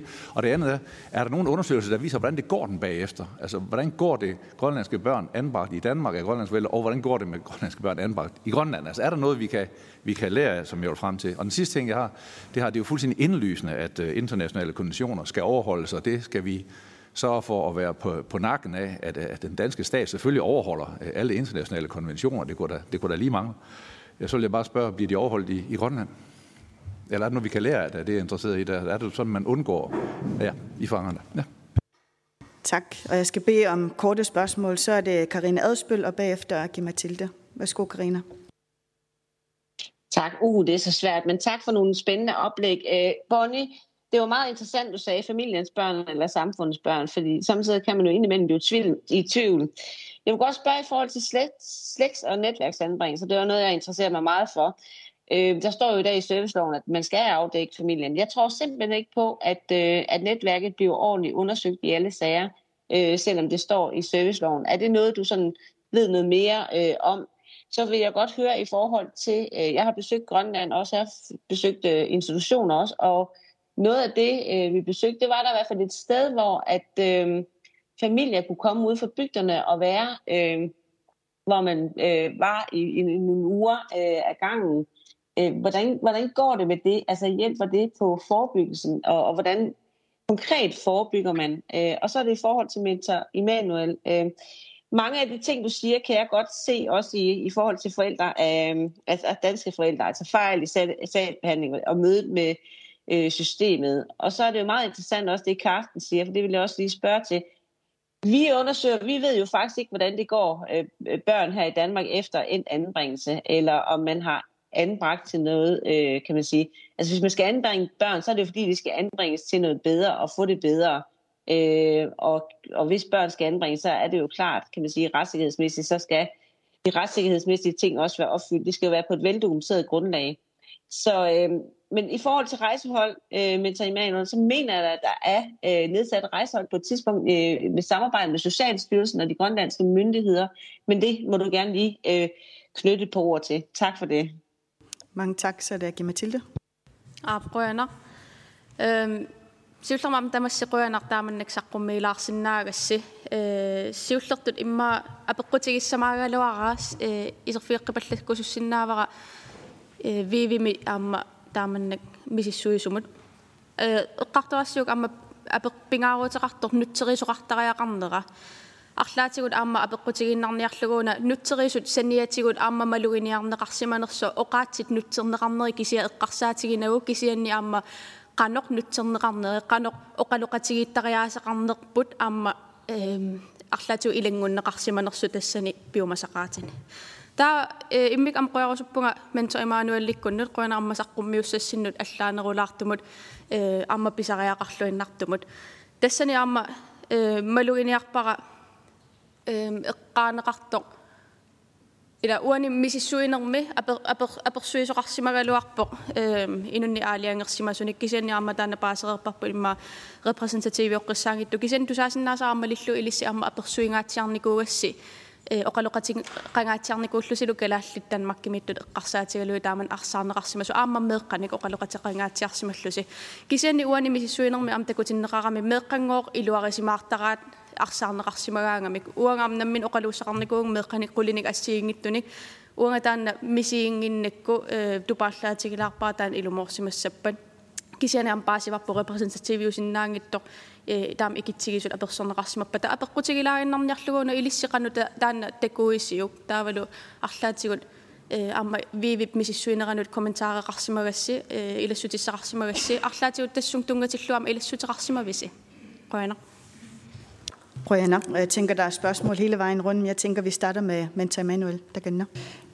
Ja, altså det vi oplever i forhold til børn, øh, det er, at børnene meget øh, Øh, eller gerne vil hjem. Øh, jeg har også interviewet et øh, par øh, 11 børn i forhold til deres anbringelse, og om de gerne vil være anbragt eller gerne vil hjem. Og lidt over halvdelen sagde, at de gerne vil hjem.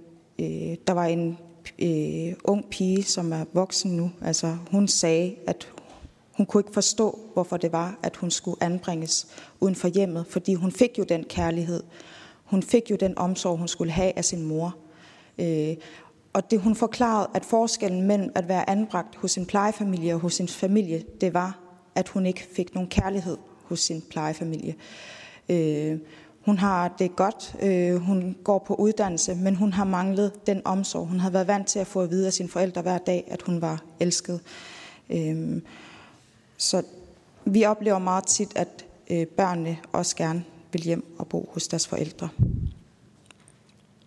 Rønner, og så er det Karen Margrethe. Værsgo. Ja, fik ikke, fik ikke det første med, som du øh, spurgte om, øh, om tolkning Øhm, men øhm, er der nogen, der kan lige gentage det? Ab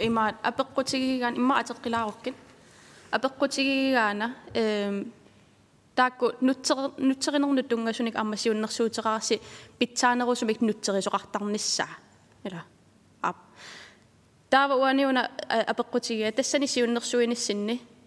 Amma ilang guppi siuk eh, nutsari nak namangin na mikisian ni amma nutserinert naammanginnami kisianni aamma qanor nutserneqarnera tassami oqaluqatigitariaatigut ассиингиннамик культуурини культууринут тоққаанна нутсеригаанни аама куккусумик нутсерисоқарсинаасарнера паатсоқатигиттоқарсинаасарнера аама илангупписиук мисиссуинерси ниссинни тааннаана пеққутигиннариа Altså, og vi har jo påpeget, at, at der er behov for tolkning i, øh, i, i udredningen af, af, af forældrenes øh, kompetencer og i sagsbehandling i øvrigt. Øhm, og, og vi siger også, at, at nogle gange handler det også om forskellige øh, måder, for, altså at ord kan betyde forskellige ting på grønlandsk og dansk, så man har lidt den, den samme meningsindhold i de samme ord, og der er også behov for den type oversættelse. Er det tilstrækkeligt? naami kisen ajungilaq aamma takutiinnarparpunutterinermi aamma paatsuoqatigittoqarsinnaas kisen tassuk ingerlat e, unis inissikkallaarnarutsiimmaannaamma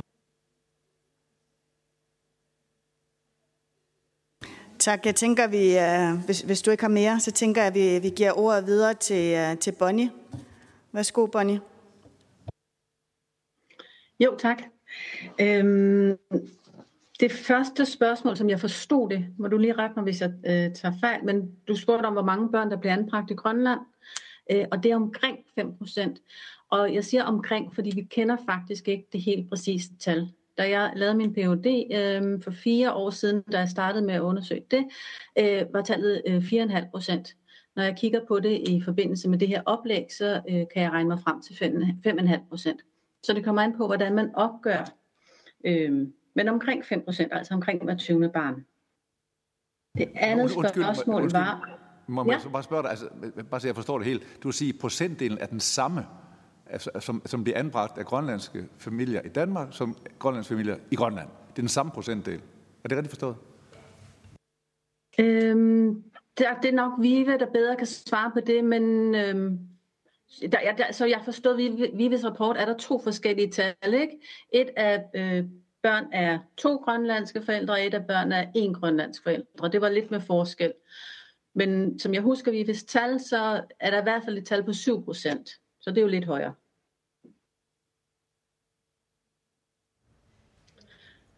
Og det svarer nok? Altså, øh, det, det, der er forskellige tal for forskellige undergrupper af børn med Grønlands baggrund, og, øh, og det samlede tal er 5,5 procent øh, af børn med grønlandsk baggrund, der er anbragt uden for hjemme i Danmark, men vi ser væsentligt højere tal blandt øh, børn med to grønlandske forældre og børn, der er ja, blandt børn med to grønlandske forældre, end vi ser blandt børn med én grønlandsk forældre. Så der er stor forskel der inden for, for, for de her øh, forskellige grupper. Men samlet set er det 5,5 procent. Ja, og så er det jo sådan set tilbage til Bonnie. Ja. Øhm, det andet spørgsmål var, om der blev lavet undersøgelser om, hvordan børnene klarede sig bagefter. Øhm, det kender jeg ikke til i Danmark. Øhm, men jeg kan sige, at øh, her i landet, der øh, har jeg fået en forskningsbevilling til at øh, lave reinterview med de børn, jeg snakkede med i forbindelse med min Ph.D., så der vil komme noget viden der. Ellers er jeg ikke bekendt med andre undersøgelser. Øhm, så var der et spørgsmål om om man afdækkede slægtværk, slægt, slægtsværket ordentligt øh, inden en eventuel anbringelse. Og, øh, og der må jeg sige, det, det kan jeg ikke sige øh, helt sikkert ja eller nej til. Det er arbejde, der foregår ude i de enkelte kommuner. Det jeg kan sige, det er, at øh, vi har familierådslagning, øh, som også er indskrevet som en del af handlemulighederne i den grønlandske børne- og ungelovgivning fra 2017. Øh, så øh, socialrådgiverne er i hvert fald bekendt med at det er en mulighed, man kan, man kan arbejde med. Hvorvidt det så bliver gjort i passende omfang, det, skal, det kan jeg ikke sige noget om. Øh, og så blev der spurgt om noget med besøg for bygder, og der fik jeg ikke helt fat i spørgsmålet, men jeg tror heller ikke, det er mig, der kan svare på det.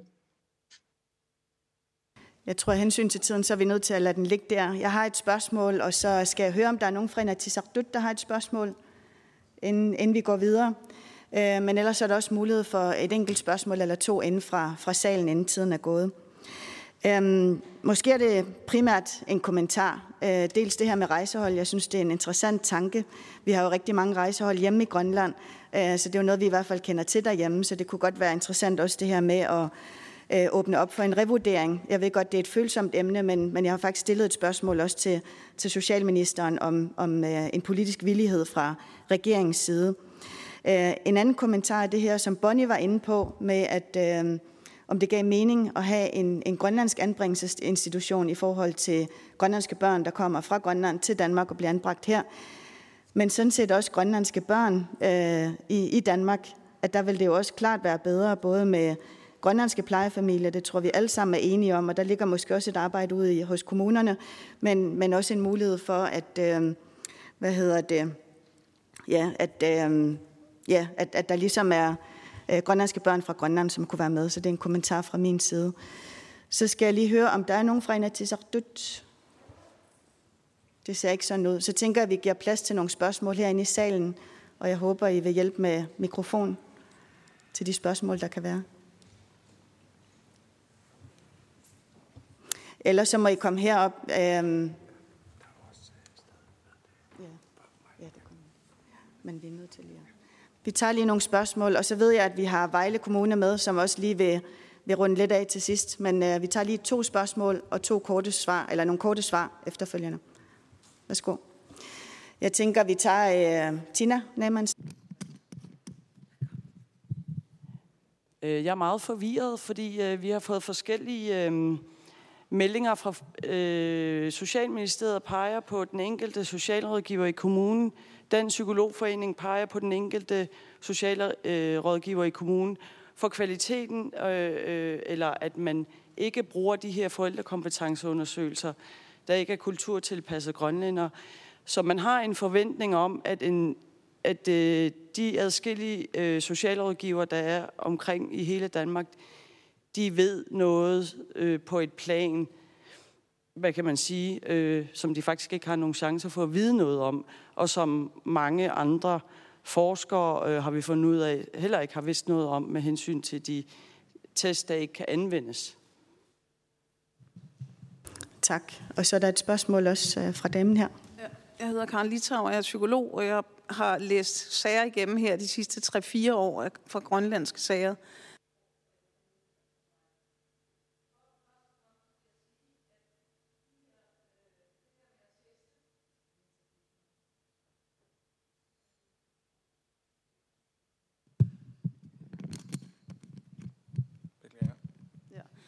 Øh, først og fremmest, så de her test, som finder sted, der findes ingen test, som tester forældrekompetencer.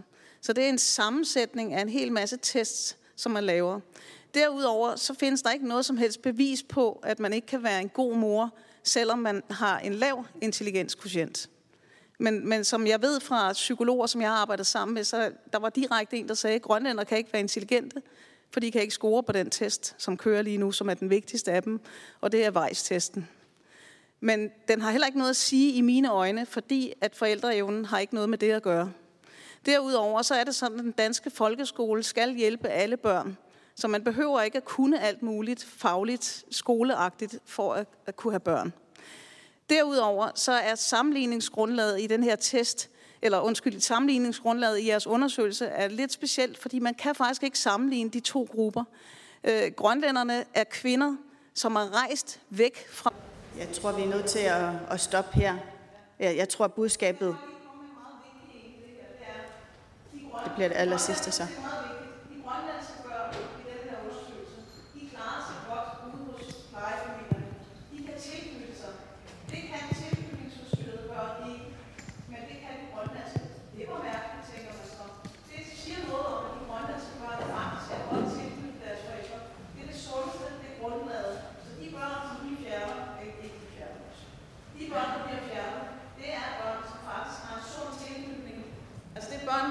Tilknytning, men der er opstået nogle problemer i familien senere, og det er svært at komme til Danmark osv. Derfor kan de tilknytte sig ude i plejefamilierne. Derfor klarer de danske børn så dårligere af de her undersøgelser, fordi de er måske tilknytningsforstyrret, eller har diagnoser eller noget andet. Så vi har altså med nogle grønlandske børn at gøre, som faktisk klarer sig ganske udmærket på det, de fik fra deres mor. Tak for det. Jeg tænker, det var primært uh, kommentarer, men I har mulighed, jeg har mulighed for lige at knytte nogle, nogle få kommentarer fra jeres side også til, til det. Nayenguak allerførst. Jamen altså, En ting, vi også har øh, spekuleret lidt over, det er, at øh, hvordan kan det være, at øh, anbringelsestallet øh, for grønlandske børn er højere, når begge forældre er grønlandske, og øh, anbringelsestallet er mindre, når den ene forældre er dansk. Derudover vil jeg også gerne lige øh, komme ind på det her. Jeg nåede ikke lige at komme ind på det, men øh, det er også lige en kommentar til øh, Vives rapport i forhold til, at øh, når jeg, jeg synes, når vi læser den her rapport, så synes jeg, der, der er en manglende anerkendelse af forældrenes oplevelser med anbringelsesforløbet eller sagsbehandlingsprocessen og øh, anbringelsen. Øh, I skriver blandt andet, at øh, der er nogle forældre, der føler, at øh, de har følt sig presset til en frivillig anbringelse, men at I så begrunder det med, at det skulle være en genbehandlingsfrist, der skulle være misforstået fra forældrenes side. Øhm, så det øh, spurgte jeg mine respondenter om i min egen undersøgelse. Øhm, jeg spurgte, hvordan de oplevede det at få anbragt deres barn. Hvordan skete det helt konkret? Øhm, halvdelen, over halvdelen svarede, at de følte sig tvunget til at underskrive en frivillig anbringelse med lovelser om mere samvær, øh, og at øh, de vil få mere indflydelse på anbringelsen. Øh, hvorimod, hvis de, valgte en, øh, hvis de valgte ikke at samtykke til anbringelsen, så vil de få mindre samvær og mindre indflydelse på anbringelsen. Derudover spurgte jeg også forældrene, om de kendte forskellen i forhold til, hvad en frivillig anbringelse er, og en tvangsanbringelse er. Kun en af de 11 forældre, jeg spurgte, kunne tilnærmelsesvis beskrive, hvad forskellen på en frivillig og tvangsanbringelse er. Øhm, derudover så synes jeg altså også, at øh, fordi vi i Mensa Manuel har gået meget, meget dybt ned i de her sager. Vi har øh, kigget på formodninger, øh, ukorrekte og udokumenterede oplysninger. Det har ikke været noget, VIVE har været inde og gøre. De har taget sagsbehandling eller sagsakterne som om, at det er faktuelle forhold, der er sket. Jeg undrer mig også lidt, at man skriver, øh, forældrene har massive problemer, har fået massiv støtte. Hvad er det for en massiv støtte, vi snakker om? Det spurgte jeg mine forældre om i mit kandidatspeciale. Øh, hvilken støtte har du fået hjemme? De fleste siger, hvis de havde fået støtte, eller overhovedet havde fået noget støtte, så sagde de, den støtte, de sagde i gåseøjne, var, at der kom en familiebehandler hjem og observerede dem i hjemmet.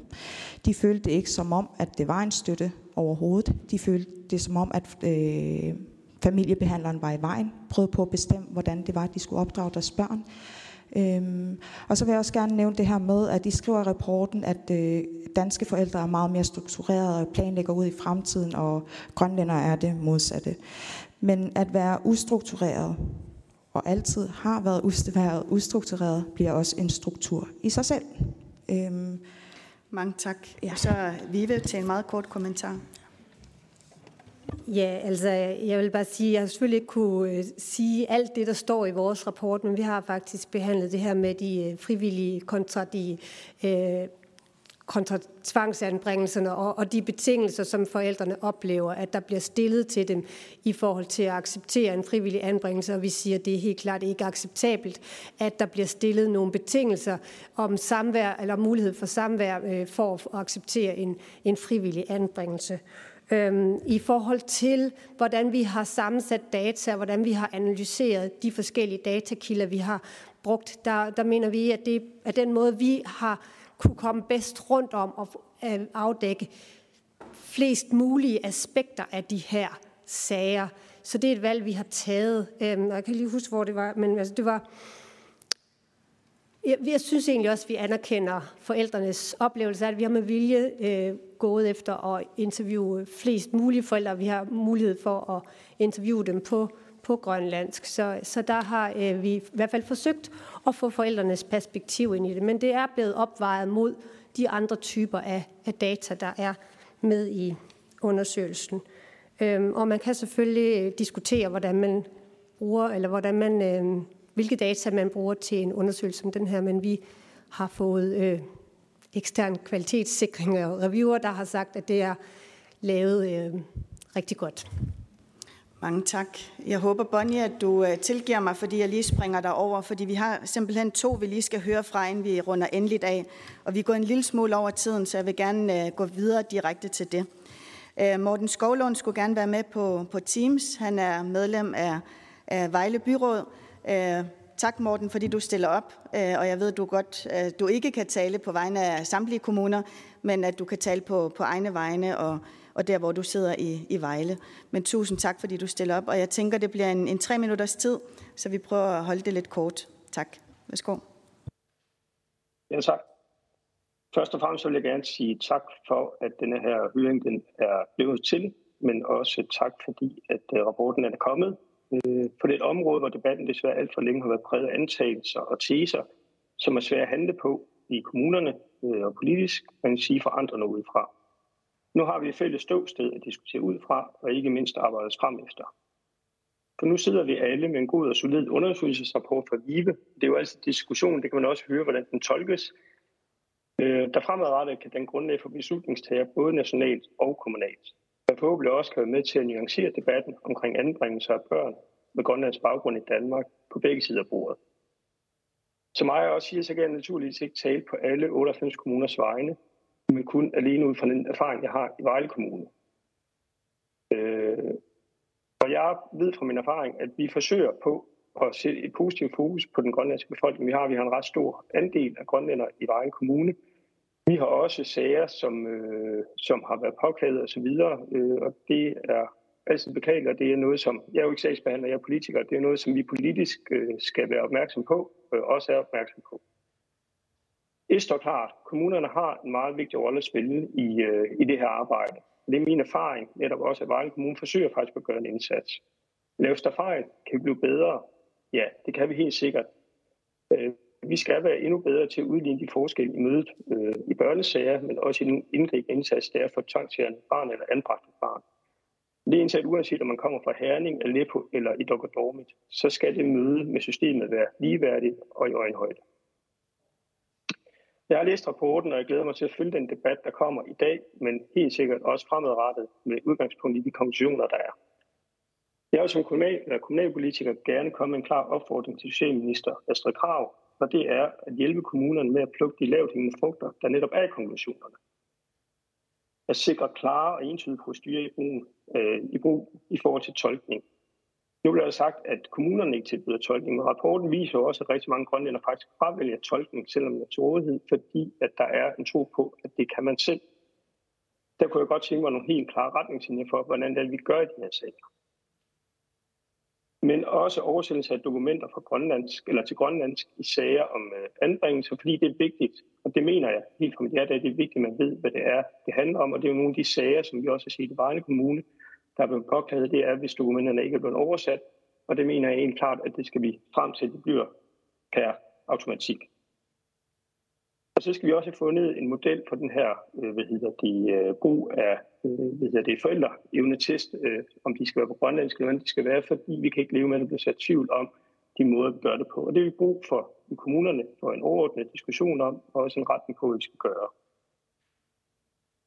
Man kan søge øh, hvad hedder det, midler til styrkning af tolkning, øh, og det er måske også et kendskab, der skal udbredes til endnu flere kommuner.